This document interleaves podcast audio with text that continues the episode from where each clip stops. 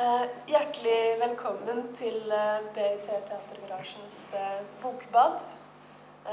I anledningen på Bergen offentlige bibliotek. Fantastisk å se så mange fremmøtte i dag. Det er herlig. Herfra går veien rett til himmels. Vi har fint besøk i dag av Mette Edvardsen, som skal snakke litt om bøker på mange måter. Ordet ditt. Takk skal du ha. Så det jeg hadde tenkt å så først fortelle litt om, er eh, prosjektet 'Time Has Fallen Asleep in the Afternoon Sunshine', som er den tittelen som dere ser her. Som også var et prosjekt som ble vist, eh, eller presentert her på biblioteket i anledning Oktoberdans i 2012. Um, og det prosjektet er eh, vi, vi, begynte i 2010, og det er da uh, Ideen er å utvikle det å lære utenat som en praksis. Uh, sånn at uh, vi, valgte, vi var syv utøvere i utgangspunktet som valgte hver av oss en bok som vi begynte å lære utenat. Um, og så ble det prosjektet da presentert i en annen scenekunstsammenheng i Løven i Belgia. også inne på et offentlig bibliotek. Hvor da eh, bibliotekbesøkende eller publikum kunne komme og velge en bok fra en bokliste de hadde lyst til å lese, og så møtte de en annen utøver som da resiterte innholdet eh, for leseren sin. Det er alltid da sånn én-til-én-opplevelse. Eh, og når vi hadde satt i gang med prosjektet, så eh, ja, forskjellige inngangsvinkler til det, men uh, hele utviklingen Først så var det et eksperiment som ikke helt visste hva, hva betyr å lære utenat. Uh, hvordan, hvordan vil det her være? Hvordan skal vi utvikle det? Uh, er det noe vi vil fortsette med? Så før, før, vi på en måte la noen videre planer for prosjektet, så var det denne ene situasjonen. Og så har det på en måte grodd ut av det først og fremst lysten av å, å, fortsette med det og se hva som skjer over tid. for da jobba vi først for denne ene situasjonen. Men uh, det er sånn noe med eh, hvordan minnet da fungerer, hvor fort det forsvinner igjen, eller uh, hvordan det skal på kunne fremdeles være til stede. Og det har også vært en av uh, hovedintensjonene med prosjektet, var da veldig altså fra scenekunstens situasjon med å si at uansett hva slags scenekunst vi holder på med, det, det vi har til felles, er at vi har den samme dedikasjonen til at vi gjør det igjen og igjen. At det er noe vi eh, må repetere. Og at det på en måte kanskje også er premisset for denne utviklingen av en praksis, som da ble ganske tydeligere kanskje sånn spissa litt i dette prosjektet med å si uh, Det er ikke bare å på en måte, det er ikke noe du altså Du kan lære bok utenat, men det er ikke noe som er uh, solid eller uh, holdbart ved det. Hvis ikke du praktiserer det, så forsvinner det igjen. Så det var også på en måte en av intensjonene var å kunne si at målet er kanskje ikke å si at nå har jeg lært meg hele boka, jeg har det, og så har vi premiere, og så er det prosjektet, men, men mer den øh, øh, øh, forpliktelsen Eller forpliktelse hørtes veldig strengt ut. hvordan sier man commitment? Altså den, det engasjementet eller den Ja, det å gå inn i det å skulle være denne boka over lang eller over tid. Så at selv om du lærer en bok utenat, så må du fortsette å gjøre det, ellers ikke så vil den forsvinne. Så så på en måte det prosjektet, og det er det som dere ser inne i den lille brosjyren her altså bak, bakerst Her står det en liten sånn intensjon om prosjektet, men bakerst er det liste over alle bøkene som uh, eksisterer fram til nå. Så det er litt over 60 boktitler på mange forskjellige språk. På norsk, engelsk, fransk, flamsk, tysk, italiensk, estisk, gresk eh, ned, ja, eh, arabisk. Eh, så det vi også har gjort, er at det var å si at Altså hva betyr det å bli en bok? For oss handla det om at også leseropplevelsen, som var en én-til-én-situasjon, at dette handler ikke om å gjøre en fortolkning av boka, men at det er eh, Vi prøver på en måte å forsvinne bak boka. Det er sånn som vi, vi snakker om det at vi er liksom bak ordet. At det, er, at det er leseren som forhåpentligvis får en leseropplevelse av den, eh, den boka de har valgt å lese. Uh, selvfølgelig så er det også en situasjon, kanskje scenekunstens minste. Det er én publikummer og én utøver, men det er allikevel også en, en scenekunstsituasjon. Um, og det, for oss i prosjektet var det også viktig å si at uh, det, er ikke, det, er ikke, jeg som velger hvilke bøker de jeg jobber med, skal gjøre. Jeg, alle, alle, velger sin egen bok. Og det er ganske ulikt hvordan de kriteriene, hvilke kriterier man har for å velge en bok. Er det favorittboka? Er det en bok jeg syns er viktig? Er det en bok eh, som er veldig tynn, så jeg tror at jeg kanskje klarer å lære den utenat? Eller er det en jeg syns språket er lett å huske? Altså, det kan være forskjellige grunner som motiverer disse, disse valgene, men at poenget er at hver og en eh, gjør sine egne valg. Og så er det selvfølgelig en prosess vi deler og, og snakker om og kommer fram til. For noen så er det veldig åpenbart hvilken bok de har lyst til å være, og for andre så er det en lengre prosess.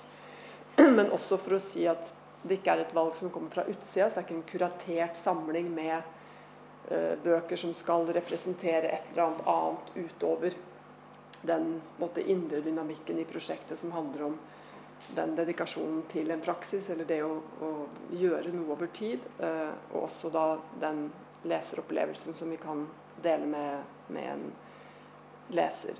Så sånn sett så er det det går kanskje litt fram av samlinga. Det er ikke noe sånn åpenbar eh, logikk i den samlinga av bøker som vi er. Det er alltid kjempespennende når det er en ny bok som er med i prosjektet, hvilken bok han eller hun velger å, å gjøre. Uh, stort sett så er det altså det er fiksjon. Det er én som er mer sånn historie, men veldig litterær. Uh, ellers er det romaner, uh, noen noveller og noen diktsamlinger. Um, ja. Og i anledning ja, En ting til først. Så når vi har måtte, fortsatt med dette prosjektet, og det er at, en av grunnene til at samlinga utvida seg, var også pga. språk. at fordi vi som oftest gjør det i, inne på biblioteker, som er offentlige rom, eh, så syns vi det var også viktig at det alltid er bøker på det lokale språket hvor vi er. Så at idet vi var invitert til et annet land hvor vi snakker et annet språk, så uh, utvida den samlinga seg med nye bøker. Uh, og sånn så har på en måte eh, prosjektet grodd. Men som også har vært for oss en det er den ene delen av det. Men den andre delen er det, vi, altså det å kunne være en kombinasjon av det vi kaller nye og gamle bøker. Uh, altså bøker som har gjort det før, og bøker som gjør det for første gangen. Um, har også vært en, en måte å på en måte insistere på praksisdelen av prosjektet. At det er på en måte ikke et sånn det er ikke en ferdig forestilling som nå, nå er det greia, og så, den, så finnes det en slags sånn uh, rider, som de sier, og så kan vi bare sende den forestillinga rundt i verden, og så turnere den. Men at det er på en måte det er hele tida det arbeidet som ligger med det prosjektet, og derfor så eh, om det er nye bøker som kommer inn, så er det mer som en sånn uh, mulighet til å hele tida komme tilbake til uh, kjernen av, av, hva vi holder på med. At det ikke bare blir en rep representasjon uh, som jeg også sa til at Vi gjør ikke en fortolkning av verket. altså Selvfølgelig kan vi jo ikke være nøytrale. uansett hvis tre av oss lærer samme bok, så vil vi gjøre sannsynligvis tre forskjellige versjoner av den boka, men allikevel prøve å være så nærme eh, språket og boka som mulig. Eh, og det er også for å si i forhold til valg av bok altså Det hender at eh, noen som er med eh, i prosjektet, spør om kan jeg gjøre et leksikon kan jeg gjøre en reiseguide? Eh, kan jeg gjøre en ordbok? Og I alle tilfeller sier vi at kan, kan du prøve, se, se, hvordan det er. Og som ofte så faller de um, De bøkene faller ut. Altså jeg tror det også har noe med at det er ikke bare en idé om hva det er, det er også faktisk en relasjon i forhold til det du skal da repetere såpass mye og gjøre over tid, og hva du har lyst til å bruke så mye tid på, men også hvordan det lever inni, inni minnet som, som, materiale som eh, Og videre i prosessen så har det på en måte gått noen år, og vi har også gjort noen ulike eksperimenter. Vi gjorde også en sånn, sånn som vi kaller second generation-bøker, og det betyr at en ny person lærer en bok av en, en som har lært bok utenat, men vi gjør det ved muntlig overføring. Så istedenfor å lære det fra papir, som vi gjorde i utgangspunktet, så er det at jeg gir boka mi videre uh, muntlig.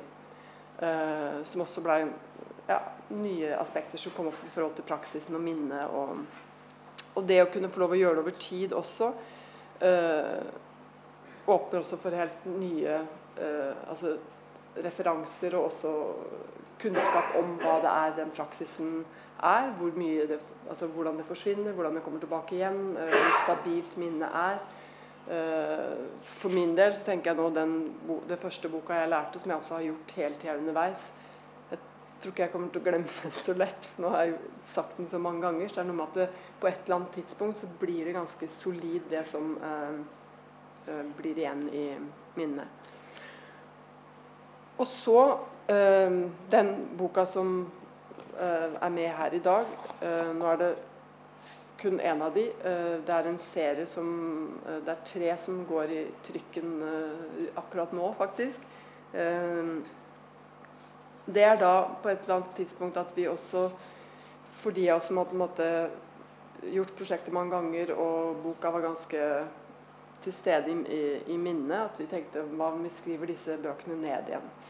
Så vi tenker oss Den referansen som jeg gir i, også i den lille heftet her, med Fahrenheit 451 av Ray Bradbury, som er en sånn framtidsvisjon om et samfunn hvor bøker er forbudte, og brannmenn det kjenner kanskje til den, brannmenn setter fyr på bøker hvor da hovedpersonen i denne boka, eh, som er en brannmann, på et eller annet tidspunkt eh, ja, begynner å lese bøker, så han må på en måte flykte fra samfunnet og bli med i en sånn undergrunnsbevegelse hvor folk lærer seg bøker utenat for å kunne de, bevare de for uh, fremtiden.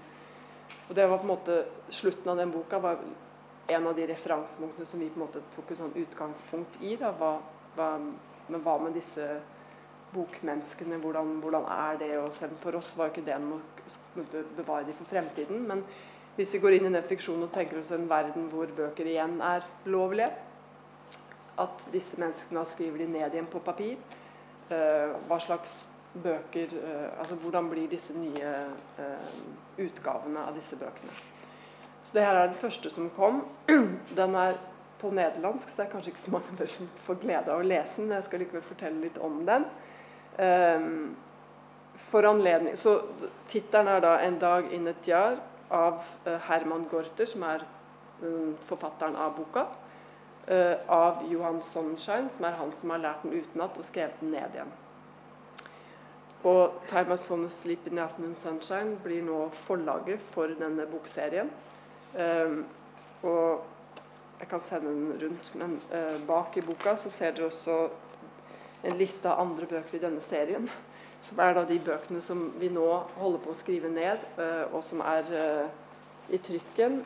Um, ikke alle er i trykken ennå. Det er tre til som er i trykken, så vi, vi gjør liksom litt etter litt. Um, og det, som, det vi på en måte gjør felles med altså, Prosessen av å skrive ned igjen, det er ganske mange ulike valg som også har vært i det. Vi har ikke prøvd å liksom strømlinjeforme det til én serie som skal på en måte ha en sånn coherent uh, stil eller se like ut eller gjøres på én måte. Hovedintensjonen, som i prosjektet, har vært den av å måte, lære det utenat, bli boka og prøve å overlevere den eh, ja, på en eh, direkte måte, kan man kanskje si. Og det samme har vært her. at det har ikke vært, altså Hovedintensjonen har vært å, å, skrive ned igjen den versjonen av en bok som vi har i minne. Den versjonen som ja, vi har snakka og resitert mange ganger, som kanskje har forandra seg over tid. Så når vi har skrevet boka ned, så har vi også øh, For det er også noe som skjer i øyeblikket du øh, vi snakker det, så har vi på en måte en, en flyt i det. Men når vi skriver det ned, så også det om vi skriver for hånd eller om vi bruker, skriver på maskin, det har altså vært forskjellige valg. Eh, men også eh, for de fleste så går det saktere. Eller det er en annen feedback eh, fordi du har skjermen. altså Det er forskjellige ting som, kommer, som, som blir nye, som også gjør at du ja, kommer ut av det, glemmer det. At teksten ikke flyter på samme måte. Og i de tilfeller så har vi da gjort korrektur tilbake i forhold til vår versjon. Sånn at de versjonene vi har skrevet ned, er ikke korrigert til det originale verket som vi en gang lærte, men korrigert i forhold til den versjonen vi har i hodet. Uh, så det har også vært interessant i forhold til hva er en feil i denne boka her, hvis man skal ha, gjøre korrekturlesing på en av disse bøkene, så er det også noe med at uh, jeg vet at kanskje dette er feil, men det er sånn det er for meg. Det er sånn jeg husker det. Så det blir på en måte helt andre valg som, eller kriterier for valg som uh, gjelder. Um, det som er felles for alle bøkene, er at vi har, ja, vi har samme ut Altså vi er vårt eget uh, forlag. Det er samme forlag.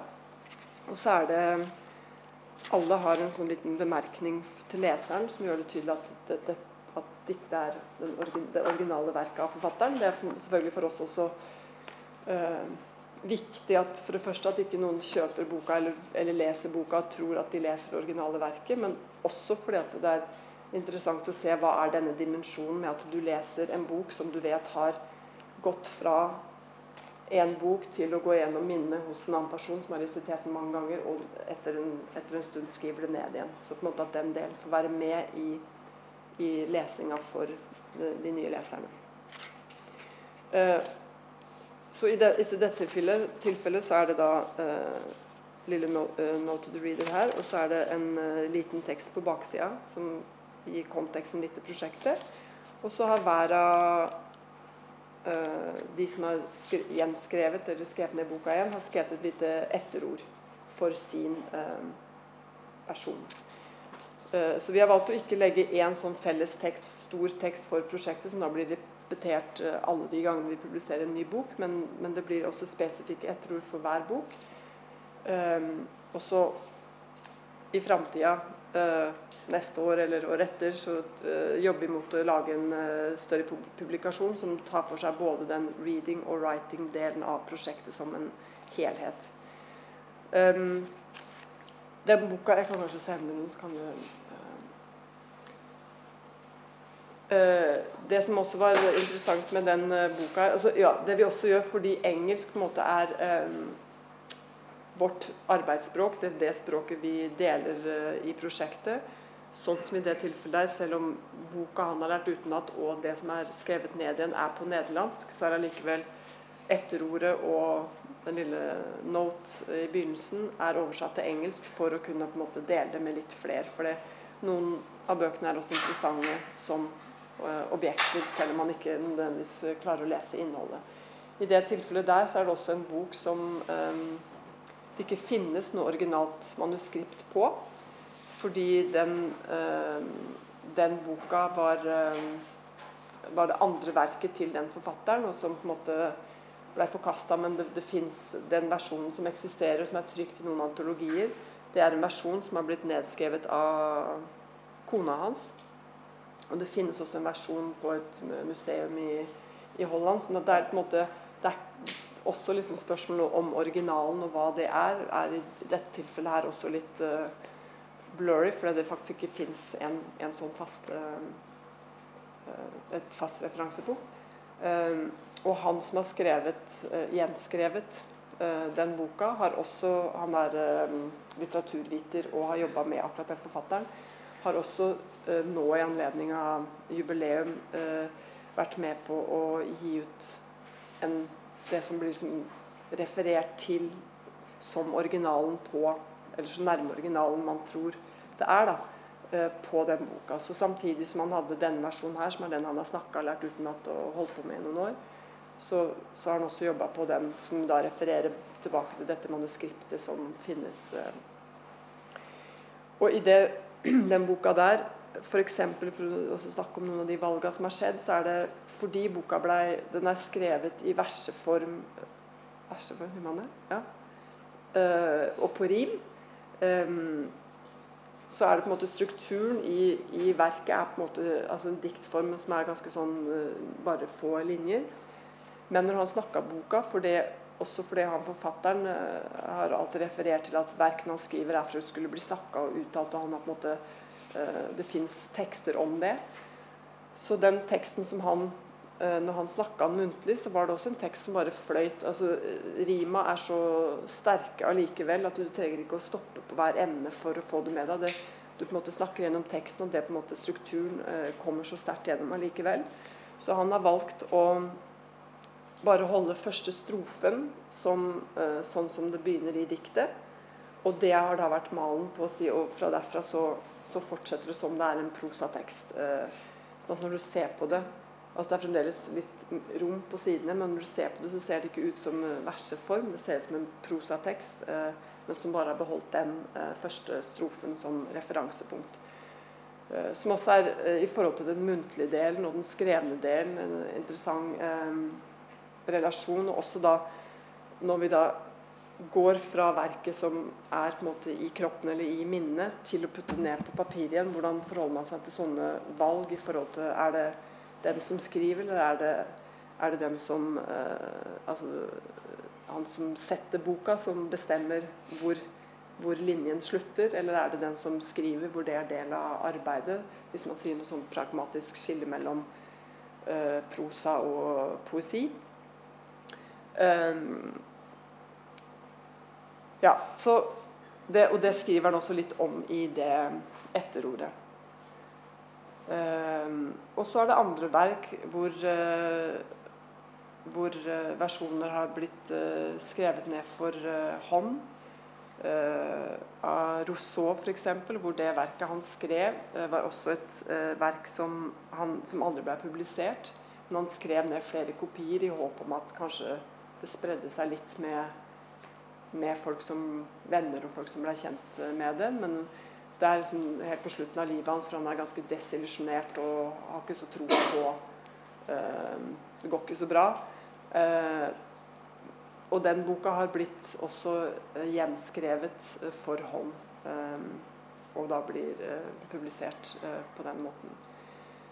Uh, og det er også i forhold til minnet, uh, i forhold til også vår praksis av det, hvor mye det, det var også en del av uh, prosessen av å lære det, var også den skrivinga. Så et eller annet sted så er det kanskje noe med at den, den, prosessen vi gjør når vi leser eller snakker bøkene, og når vi skriver det, det er kanskje to sider av samme sak på en måte også, selv om det har helt spesifikke forskjeller som, som dukker opp.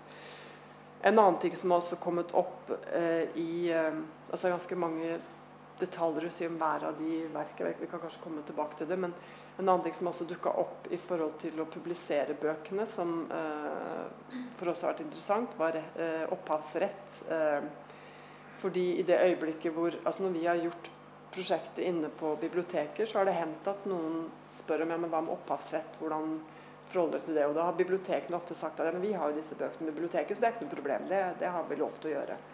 Men det viser seg at Forfatterforeningen er ikke helt enig i det, f.eks. Uh, eh, men det som har, to ting som har vært interessant, altså vært, uh, når vi først begynte å gjøre research på det fordi når vi skulle trykke det, så er det noe med oss at én ting er situasjonen vi kan ha her inne med de som leser men når det fins på papir, så er det noe med at altså på kontrollen på hvor disse ender opp, kan vi jo ikke på en måte forutsi heller. Og, men også interessen av å skulle kunne også finne ut av hvordan funker det da, hvordan, eh, hvis det, hvis også Særlig hvis forfatteren er i live, selvfølgelig. At man kan på en måte ha en dialog om det.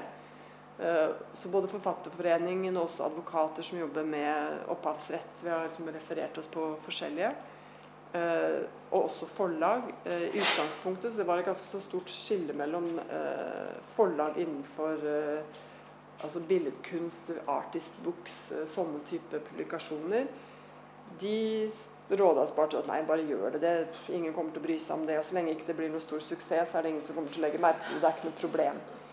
Mens Forfatterforeningen har helt andre selvfølgelig eh, relasjoner til det. altså Selv om det bare er et utdrag av en, av en tekst, så er det de samme eh, reglene som gjelder. Um, og da har vi, Så på hver eh, publikasjon vi gjør altså Den her er public domain, for den er såpass gammel, så den, den var greit. Den var et sted vi kunne begynne. Eh, men det har vært i situasjoner etterpå hvor enten det er arvtakere eh, eller eh, forlag som sitter på rettighetene. Vi, lenger ned på lista så får vi også noen eh, som er med fattere, forfattere som er i live. Så, så langt har vi ikke kommet ennå. Men eh, i, så langt da, så har vi i hvert fall god erfaring med eh, arvtakere og forlag i den grad at når de forstår at det er ikke noe penger inne i bildet, det er ikke noe vi kommer til å tjene oss rike på, åpenbart. Altså, vi bruker jo penger på å få det her til å blir gitt ut. Um, og når vi selger det, det er altså sånn som eh, forlaget har spurt om, altså når vi selger det, så er det på en måte mer for å ikke, altså Det er mer som en relasjon til objektet. altså den her er noe vi gir ut uh, når lesere kommer til biblioteket, men at bøkene er på en måte en ting du betaler en sum for, men det er på en måte bare en brøkdel av det vi kan gi tilbake i forhold til hva det koster å lage de. Så, um, så sånn sett så uh, Det har også vært en viktig faktor i, uh, i den opp, eller rettighetsdelen av å kunne gjøre det. Så tror jeg også at vi har på en måte lagt oss helt flate i forhold til å si, liksom prøve å gi så mye informasjon som mulig om hva er det vi gjør, uh, hva prosjektet er, forklare om det, vise til PDF-ene av hvordan bøkene ser ut og, og, sånn. Og da er det altså fram til nå i hvert fall, bank at, at, man også ser at det er på en måte et prosjekt i seg selv som også uh, altså eksisterer i sin egen integritet, selv om det, det, er noen verk som da blir tratt inn i, i vår uh, praksis. Så, men det kan selvfølgelig hende at vi vi opplever at det er noen som motsetter seg det og ikke har lyst til at uh, det skal skje. Eller uh, i bok nummer to som kommer på lista, så var det arvtakeren til han, altså kona til forfatteren, som er 84 år eller noe, som som har både engasjert seg i prosjektet, og som syns det er kjempekult å uh, komme med forslag med andre oversettelser. For han, det, I det prosjektet så er det en, en hollandsk forfatter, som har, han som har lært utenat, gjør det både på hollandsk og lærer også oversettelsen av det verket på engelsk. Hvor uh, da hun på en måte kommer med oversettelsen hun syns er bedre, eller på en måte at det blir en sånn eh, dialog som settes i gang, der hvor du på en måte føler at uh, det er det, denne tingen vi holder på med dette prosjektet, men som på en måte liksom går litt over i andres uh, verdener, og som også kan på en måte delta eller ta del i den uh, prosessen. Uh, så målet er at altså, Får vi se om Jeg tror det er 11-12 titler som står på den lista. Det er noen andre som også kommer til å legge seg til. Så vi på en måte følger bare det i Altså den kapasiteten vi har uh, til å ferdigstille altså når, når, en er ferdig skrevet ned, og etter det er der, og, og da etter, litt etter litt så gir vi ut. Og så har vi også egentlig Dette er andre gangen eh, vi har en slags presentasjon eh, en gang i Oslo og en gang her nå om prosjektet. Og målet er også etter hvert at når det er flere bøker som begynner å eksistere, noen av de bibliotekene vi har vært på, er interessert i å ha denne lille samlinga i sine hyller. Uh, som også selvfølgelig er en morsom del å komme tilbake til de stedene vi har vært, hvor måte, det prosjektet får lov å leve videre, og disse bøkene får lov til å eksistere som bøker blant andre ordentlige uh, bøker. um, ja, så, så, også for å si at det er ikke Altså det, det, er noe som er litt sånn med det prosjektet her, som har på en måte fått utvikla seg ganske organisk i forhold til at det er en, en intensjon en idé som har blitt uh, eh, utvikla, en praksis som har blitt delt, og så har det på en måte grodd litt. Og det hender også at folk spør om de kan få lov til Jeg har innmari lyst til å lære den boka der, kan jeg få lov å være med? Eller hvis du noen gang trenger en bok på det språket, så vil jeg gjerne være den. Og så I noen tilfeller så er det også en måte å komme inn i prosjektet på den måten der. Uh, og den delen nå med nedskrivinga åpner også opp for nye slags samarbeid eller uh, relasjoner rundt den prosessen av, uh, av, gjenskrivningen. Så vi er også litt sånn i begynnelsen av å tenke hvordan, hvordan skal vi presentere dette, hva er formen for det. Men det som med den første delen av prosjektet hvor vi lærte utenat, så var på en måte ikke det hovedfokuset. Hovedfokuset var først praksisen, å se hva som kommer med det. Og så begynte å skrive ned igjen, så tenkte vi ok, kanskje hvor lang tid tar det å skrive ned igjen? da? Vi, vi, bare kom sammen noen av oss, og så begynte vi å skrive, og så så, så vi hvor lang, hvor lang, tid det tok, men også var de nye spørsmålene som kommer opp i forhold til valg eh, i den prosessen. Min, e, for min egen del så hadde jeg også et øyeblikk hvor fordi boka er så i begynnelsen når når vi, begynner å lære, så forholder vi oss ganske mye til sidene. Det blir også en måte å, å liksom orientere oss i hvor, hvor er jeg nå, nå er jeg her, nå rundt der, for å kunne huske. Men etter hvert som boka blir veldig eh, flyter, så er, i min del så forsvant siden. Jeg kunne ikke orientere meg med det lenger. Jeg var mer som en, i en strøm av en tekst. Vi hadde noen sånn knagger og holdepunkter. Så i det øyeblikket jeg skulle skrive boka ned igjen, så hadde jeg også følelsen at alt som hadde med kommaer punkt, altså Akkurat som det ikke trengte du ikke, for at språket var så embodied på en måte at det, det var ikke behov for tegnsetting. Men selvfølgelig det øyeblikket hvor jeg hadde alt skrevet ned igjen, og kanskje hvis du skulle lese det, så kanskje du trenger det for å kunne på en måte orientere deg i teksten, så, så var det en følelse å komme tilbake til teksten og kaste, kaste, noen kommaer inn, inn, på sida igjen for å skape den eh, Men som også er en interessant prosess i forhold til hva, hvilken del det er av skrivingen. Eh, hvordan forandrer det seg i forhold til at over, altså er det kortere setninger i lødet til lange? altså Hvilken del det er av språket, og hvordan det forandrer seg. Um, og også uh, en annen versjon uh, kan jeg fortelle dem som også har vært uh, En av bøkene har gjort Han hadde skrevet boka si ned igjen og hadde lyst til å sammenligne versjonen han hadde med originalen, for å se hvor mye har det flytta på seg, og hvor, hva, hva er ikke så mye for å si er det riktig eller ikke, men mer av nysgjerrighet for å se hvordan, hvordan, dette utvikler seg. Og hvor vi også da liksom fant liksom samme font og samme størrelse. Vi kunne virkelig liksom sammenligne sånn fra side til side.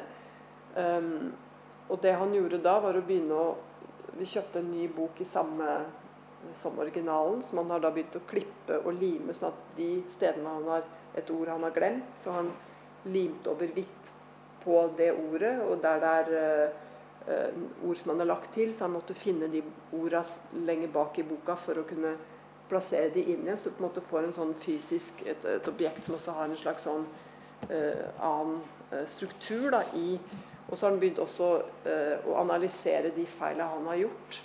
Og fordi han da, det er en annen del av boka, andre delen av boka som han ikke har lært seg utenat, den begynner også å få hull i seg. Det er der han har henta de orda han har lagt til.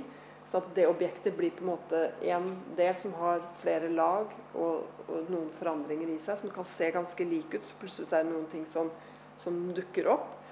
Og så andre delen av boka som har masse hull, som skaper igjen en ny versjon av den boka, men som egentlig er en ja, sånn accident fra den første. Og så har han begynt å analysere disse feilene, sånn at hele den analysen blir også en gjenskrining på en måte av denne versjonen men som blir trukket ut som et verk i seg selv. på en måte. Så det, i, i, denne prosessen så er det også forskjellige altså Bøkene bringer også forskjellige nye eh, versjoner som vokser ut av, av den praksisen.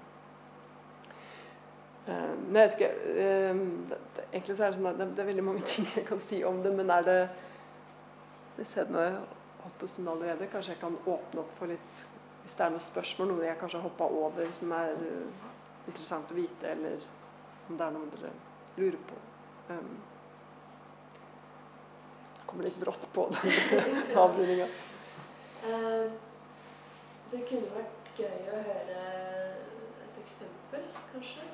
Hvis du Fra, fra din bok? Fra boka? Ja, fra boka. Å snakke mm. til dere?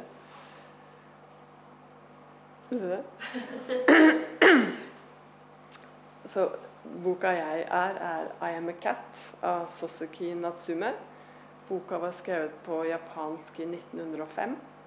Og jeg er oversettelsen til engelsk fra 1972. Så da pleier jeg bare å begynne fra begynnelsen. Det pleier ikke å være en sånn eh, gjeng foran meg, det pleier å være én person, men I am a cat. As yet I have no name.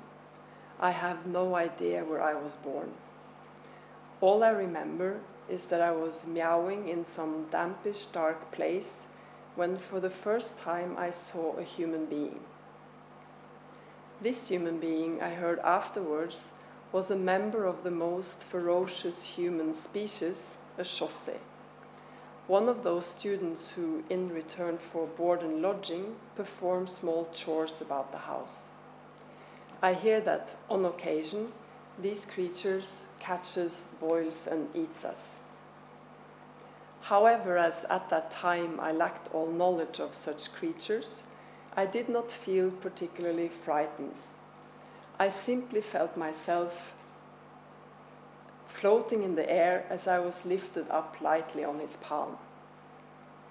When I accustomed myself to this position, I looked at his face. This must have been the very first time that I ever set eyes on a human being. The impression of oddity which I then received still remains today. First of all, the face that should have been decorated with hair was as bald as a kettle. Since that day, I have met many a cat, but never have I come across such deformity. The center of the face protrudes excessively, and sometimes from the holes in that protuberance, smoke comes out in little puffs. I was originally somewhat troubled by such exhalations, for they made me choke, but I learned just recently that it is the smoke of burnt tobacco which humans like to breathe. For a little while I sat comfortably in that creature's palm, but soon things developed at a tremendous speed. I could not tell whether the chaussee was in movement or whether it was only I that moved, but anyway I began to grow quite giddy, to feel sick. And just as I was thinking that the giddiness would kill me, I heard a thud and saw, and saw a million stars. Thus far I can remember, but however hard I try, I cannot recollect anything thereafter. Skal jeg bare Nei.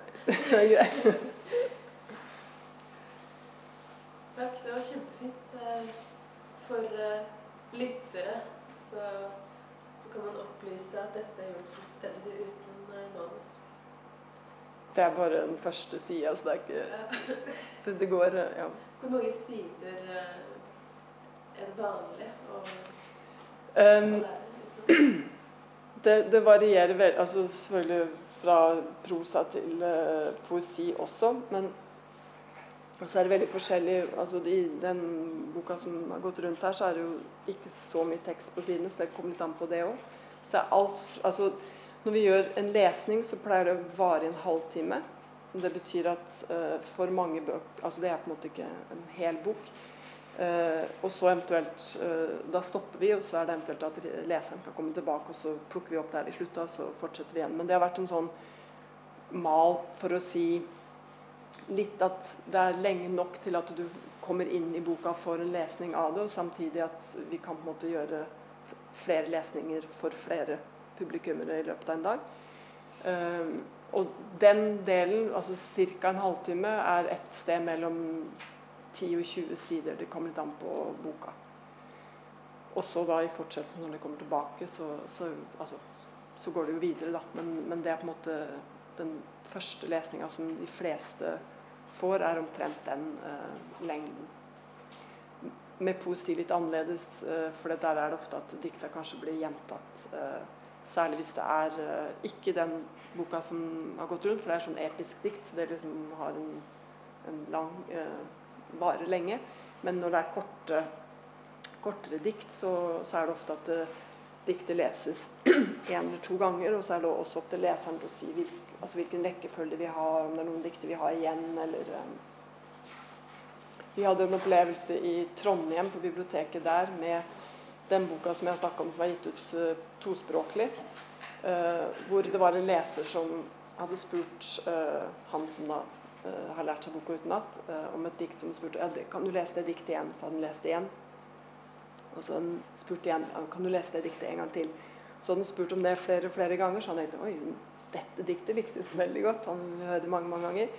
Og så skjønte han at det som leseren faktisk gjorde, var at hun lærte seg diktet utenat mens han resiterte, så hun gikk også inn i den prosessen av seg selv eh, ved å litt etter litt gjennom å høre det igjen og det igjen og igjen, lære seg det utenat til hun kunne det, og kunne på en måte si det sammen med han, og så gikk hun. Eh, som en egen eh, versjon. Så ja, så det varierer. eh, men så er det selvfølgelig altså over tid så er det jo altså det blir jo flere og flere sider som eh, legger seg på. Og når vi er lengre ved et sted, så eh, som når vi var her, så var vi her eh, og jeg tror vi var her i seks dager eller sånt noe. Og da hadde vi lesere som kom tilbake og, for å lese videre i boka. Har det skjedd at eh, noen bare ikke vil gi seg? Komme tilbake sånn Nei, det, det som har skjedd, er at noen, altså noen på en måte sier at åh, jeg vil lese den boka ferdig, men jeg vil lese den med deg. Selv om det da kanskje tar noen år til, så, og så møtes man kanskje i en annen by, og så kan man fortsette litt da, og så ja. Men det, altså, det er jo gjerne i situasjoner hvor vi er kanskje i kontekster hvor vi krysses litt, eller eh. Nei, ja. Det kan også skje at leseren kan altså Det formatet med en halvtime det har på en måte vært også litt Særlig når vi er i, i scenekunstsammenhenger, hvor på en måte det er fint at man kan reservere og prøve å liksom Hvis vi er seks bøker og vi, vi, gjør kanskje seks lesninger hver dag, så er det ikke mer enn 36 som får lov til å få en lesning heller. Men så det har på en måte vært én form, men det har også vært situasjoner hvor vi har vært i litt, litt mer løsere oppsett. Hvor vi på en måte er til stede og da kan på en måte holde på lenger med en leser. For da er det ikke nødvendigvis at vi må rekke rekke å gjøre flere i løpet av dagen. Men en halvtime er også faktisk ganske god uh, lengde. Mm. Det har skjedd at noen sier at 'Å, men å, nei, kan du ikke lese litt til?' Så jeg sånn, ja, ja, ok. Uh, der kan jo ja, kan godt fortsette litt til, og så holder vi på. Men en time er også ganske Så det er jo direkte òg når du sitter med en uh, leser. Men det er også ting som vi har tenkt på nå i forhold til den gjenskrivningen. At vi skal gjøre uh, eller forsøke det i en kontekst hvor vi har, da har vi flere av bøkene til stede. Hvor det kan også kanskje være noen av de levende bøkene, som er da de som vi snakker, eh, som kan være der. Men hvor også kanskje vi kan gjøre noen gjenskrivninger på stedet. Så hvis du sier at eh, ja, jeg vil gjerne ha den boka, så kan jeg si at ok, kom tilbake om seks timer, så skal du få den, og så sitter vi og skriver den ned, og så, kan, så blir det litt mer ja, unike publikasjoner, men at det kan også være som en sånn praksisdel av Som selvfølgelig ikke skal skje hele tida, men noen ganger. Kan du si noe om hvordan du som danser og koreograf havnet i ordet?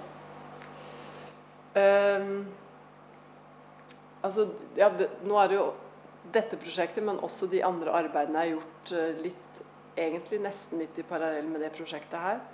Uh, selv om det er litt annerledes har også språk kommet inn uh, ganske mye. Og det var så, som en sånn generell ting så kan jeg si at det, det handla litt om at jeg hadde jobba mye med objekter. Og så var det et øyeblikk jeg liksom tok objektene bort. Jeg malte de svarte for at de skulle forsvinne inn i teaterrommet. Um, og så prøve å gjøre noe i et rom hvor det ikke var, fantes noen ting. Og det utgangspunktet på en måte brakte språket inn. altså ord i utgangspunktet, men uh, også har det på en måte utvikla seg. Altså, for meg så er språk eh, det er på en måte et material. Det er ikke, en, det er ikke for å utvikle en diskurs om arbeidet. Det er virkelig uh, materiale jeg jobber med, som bevegelse kan være, eller som objekter kan være. Sånn er også språket. Og da har det på en måte utvikla seg uh, ja, videre til da det som jeg gjør i morgen. Altså det første hvor det var ord som jeg repeterte, som var en måte å bekrefte at du sier at table, table, table, table, table, at det er noe som er der, og så ja, bygde det seg videre i rommet. Den jeg gjorde etterpå, som jeg også viste her uh, under oktoberdans Var det oktoberdans det òg? Ja, i ja, 14, ja. Hvor jeg da brukte negasjon for å måtte, ja, snakke om det som ikke er der. Så på en måte fra å ha insistert på ting som usynlige ting, fremkalle det, til å gå inn i negasjon og ja, bringe fram uh, andre bilder på en annen måte. Uh, og der dukka opp den relasjonen til språk og skriving på en litt annen måte. For i den, det øyeblikket at jeg snakker bare ord, så er det på en måte nærmere musikk og mer abstrakt. Men når det begynner å bli fulle setninger som skrives, så er det en sånn ny relasjon. Uh, Forfatter jeg nå en tekst? Er jeg en skuespiller? Hvem er jeg som, hvordan kan jeg på en måte forholde meg til publikummet? Så det var også en måte å altså Tilbake til altså sier, dansen og koreografien var på en måte min måte å skrive i tid og rom som, som jeg tenker. da, at det Teksten er ikke bare det som står på papiret, men det er faktisk det som skjer i rommet over tid. Hvor det skjer, handlingene jeg gjør, relasjonen til publikum som er der. Uh, og så for den forestillinga som er i morgen og på lørdag, så hadde jeg lyst til å trekke den uh, relasjonen til språket et skritt videre med å si at men hva hvis alt skjer gjennom språket? Uh, hvor jeg da sitter også sammen med publikum midt i salen med publikum ved siden av meg, foran meg og bak meg. og har skrevet et skuespill som jeg da leser for publikum. Eh, altså Et skuespill som er skrevet for den situasjonen. Det er ikke skrevet for å skulle framføres på en scene, eh, men skrevet for den situasjonen som vi er i i det øyeblikket. Som da var en måte å gå videre og der jobber jeg med um, tidene, så at vi har uh, fortid og framtid. Så at det er en annen måte å uh, Altså vi er jo i nåtid inne i teatret. Veldig uh, sterkt, på en måte. Det er også relasjonen til radioen i det prosjektet, som er på en måte en slags forlengelse. Det er ikke et radioprogram eller radiohørespill, men det er en forlengelse av det øyeblikket som vi deler i teatret. At det også åpnes opp for uh, utsida. Men uh, så at det på en måte også går inn i en slags sånn fantasi om hva vi klarer å prosjessere og skape inn i det rommet. Hva som er til stede i det rommet, og på en måte skrive videre med det. Uh, ja, skal jeg kanskje gå inn i detaljene på det prosjektet. Men, så språk på en måte har kommet inn på den måten. Og det, selv om det prosjektet her er kanskje litt sånn ved siden av, uh, så er det på en måte en veldig sånn materialitet i, i vår tilnærming til det òg. At det, det, er ikke bare innholdet vi er altså Bøkene blir ikke valgt for, for hvilken litterær kanon de er, eller uh, hva slags innhold de snakker om, eller uh, hvilken epoke vi representerer, men det er på en måte en, noe annet i det prosjektet som vi um, jobber med, da, som er den situasjonen og forhold til språk og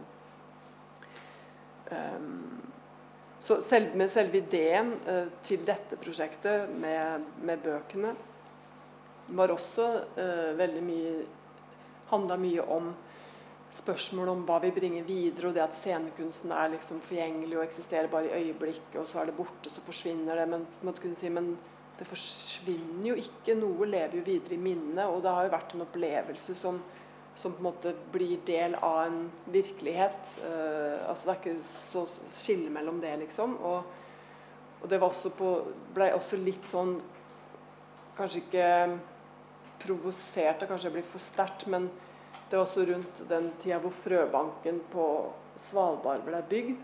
Som kanskje kjenner, altså, alle kjenner til det. Med, som også for meg er et sånt prosjekt som er ganske sånn fantastisk og absurd på en eller annen måte. Da. At vi liksom har alle disse frøa inni permafrosten inni fjellet for en eller annen katastrofe som kan skje i fremtiden. Og så på en måte at vi preserverer til tenk liksom hvilken, hvilket perspektiv på framtid er det vi snakker om. altså Hvilken målestokk er vi uh, opererer innenfor. altså Det er noe med det som er veldig uh, Og da, det var det også prosessen med minnet. At, at på en måte det kom i en sånn forlengelse av det. Da, at hva er det vi bringer videre med oss? Og, og, kunne på en måte relatere det veldig til det vi gjør nå.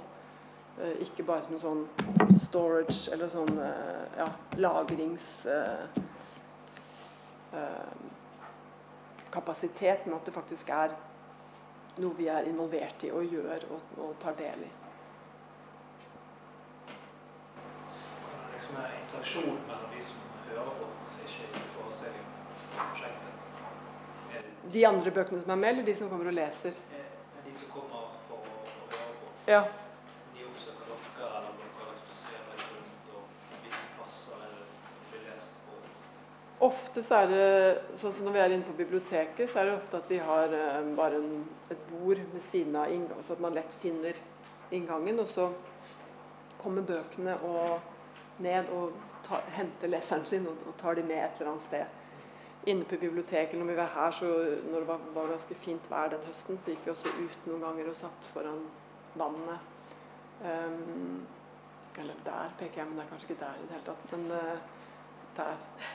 Um, men det har også skjedd i andre sammenhenger. Også for at Biblioteket for oss har ikke vært en sånn, det er ikke valgt som en sånn symbolsk sted. Det er mer fordi det er funksjonelt. altså Det er et sted man, det er, det sted man kan være. Det er åpent for alle.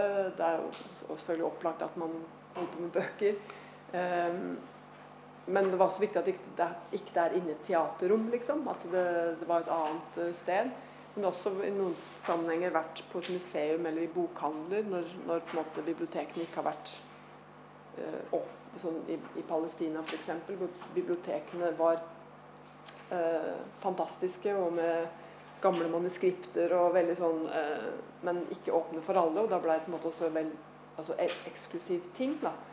At det var viktig å være et sted som en bokhandel f.eks., hvor hvem som helst kunne komme inn. Og da er leserne ofte så er det jo kommunisert gjennom sånn som når vi var her gjennom BIT, deres festival og deres program. Og da er det selvfølgelig deler av det publikummet som på en måte orienterer seg i programmet på den måten, og som da kanskje har reservert eller kommer fordi de vet at vi er der. Men så er det også ofte fordi det da er et offentlig rom, at det, det er andre som er på biblioteket som begynner å lure på hva vi holder på med, og som kanskje oppsøker og også tar del. Og det kommer litt an på hvordan eh, hyller og hvordan ting er. Men det hender også at vi gjør Det er jo en til en at vi sitter et eller annet sted med en leser og gjør en lesning, og så er det noen andre som står på andre sida av hylla uh, og hører på, på en måte, fordi at Ja.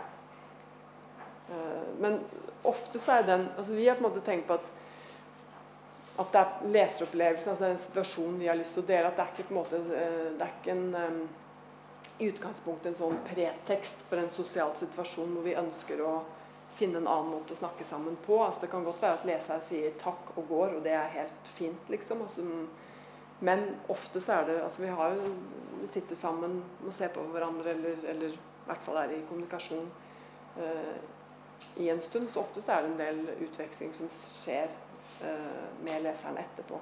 Men for oss er det også viktig å prøve å ja, At det ikke blir en sånn eh, obligasjon. At man, nå må jeg si noe, nå må jeg si om noe om bøker. Eller, altså at det er helt valgfritt. Og da går vi også ut av Da sitter ikke jeg og fortsetter og later som jeg er en katt uh, i, i, den. Altså, da, jeg, da, snakker vi om det vi har lyst til å snakke om. Liksom. Ja. Ofte så det, ja, det er ganske mye som blir delt i en sånn situasjon, gjerne.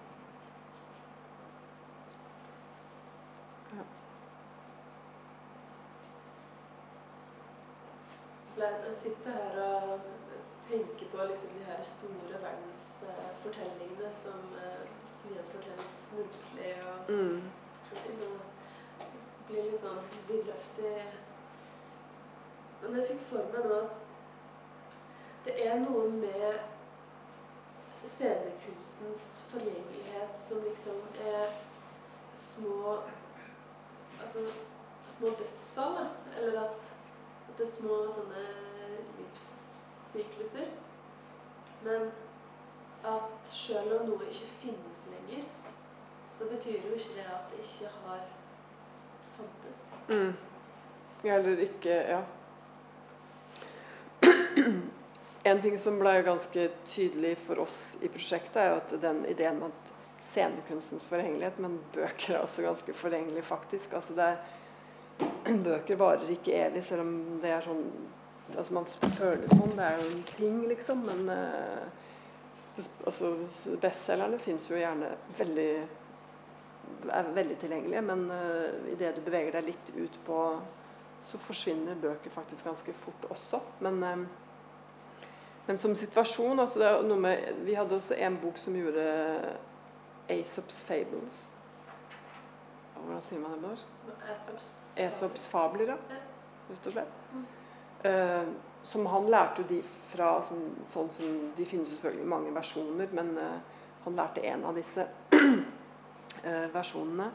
Og da hadde vi også den derre Altså det å, le, det å, høre han snakke disse fablene ble sånn, sånn Her har det jo sittet folk i tusenvis av år og gjort akkurat det som gjør at, at det, det nå fins på på papir. Da. Så det er også noe med Ja. Noe i den, den Altså det vi på en måte Vi menneskene drar videre av erfaringer, av uh, historie i minnet. Altså det er noe med det at uh, det er ikke sånn at ting forsvinner sånn helt uh, heller.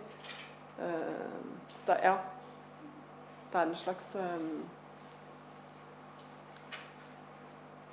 det er noe sånn uforutsigbart med det også. Så det er klart at det er snakk om perspektiver òg. Altså hvor, hvor, lang tid vi snakker om i forhold til eh, altså selv, selv, i forbindelse med scenekunst og museer f.eks. Altså sånn eh, debatt som har vært my mye opp i de siste åra, så er det også noe med den derre liksom obsession med å skulle preservere ting inne på museum, som også er sånn Men hvorfor det, for det første, når det er forestilling, men for, hvor lenge da? Altså, hva er det hva, er det vi har i ideer om? da? Ikke for å si at det ikke er noen verdi i å, å på en måte bygge en historie og, og, kunne ta den videre, ikke i det hele tatt, men, uh, men, det er også en slags sånn ja, litt sånn skrudd uh, idé om hva det kan være. da. Så, ja. Tror du situasjonen eller eh, boka? Når det gjelder akkurat boka, så er det kanskje i dette tilfellet boka som kommer til ut. Men kanskje ikke akkurat den situasjonen. Altså Det som er interessant, er også for oss når vi gjør Det er noe med kapasiteten i minnet. Hvor mange lag altså de, Denne situasjonen her vil være en av de lagene som, jeg kan, som vil dukke opp en annen i en annen situasjon. Jeg sitter og leser for en person. Det er mange sånne bibliotekrom, akkurat hvordan lyset kom inn i det øyeblikket, eller akkurat hvordan den personen var. Plutselig så kommer disse ansiktene opp, eller disse øyeblikka som blir på en måte Boka blir tjukkere og tjukkere for meg, da, i min, eh, ettersom de laga legges oppå hverandre. Eh, men selvfølgelig så er det noe med at altså, eh, Minnet er jo veldig um, utilregnelig. Altså, du kan jo ikke, kan ikke stole på det. Altså, det. det. forandrer seg jo, det forandrer på ting. Uh, uh, og Det er også en del av det som, uh, ja, som er, blir en del av prosjektet. Da, rett og slett At de to tingene hører sammen. og det er som vi har snakka mye om i forhold til det å lære utenat. Altså hvordan det har blitt sett på I hvert fall når jeg gikk på skolen, så var det veldig sånn Det var jo ikke noe man gjorde. Det var jo veldig ukreativt å skulle sitte og lære. Det var sånn som liksom foreldregenerasjonen holdt på med. Men det er noe med å tenke at det å lære utenat handler jo ikke bare om å putte innhold inn i hodet. Altså det er jo en hel prosess i seg selv som, som skaper bilder, og som er abstrakt. Da, som er, så det er noe med det, det å på en måte skille mellom det på den måten her er veldig sånn uh, veldig synd da, på mange måter. Og også det å kunne si at kanskje nå så er det mer en dyd, det å kunne glemme.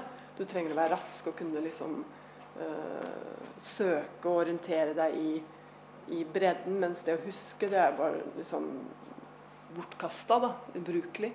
Mens det er også en veldig sånn, uh, veldig sånn kjapp uh, definisjon av hva, hva, en sånn minneprosess er. Da. At minne, hvilken, stor, hvilken del det har av i, i verden. Og altså, viktig det er. Da. Ikke nødvendigvis for å kunne huske de viktige tinga, men, men som prosess i seg selv, da, hva det gjør læringssituasjon og ja. Så.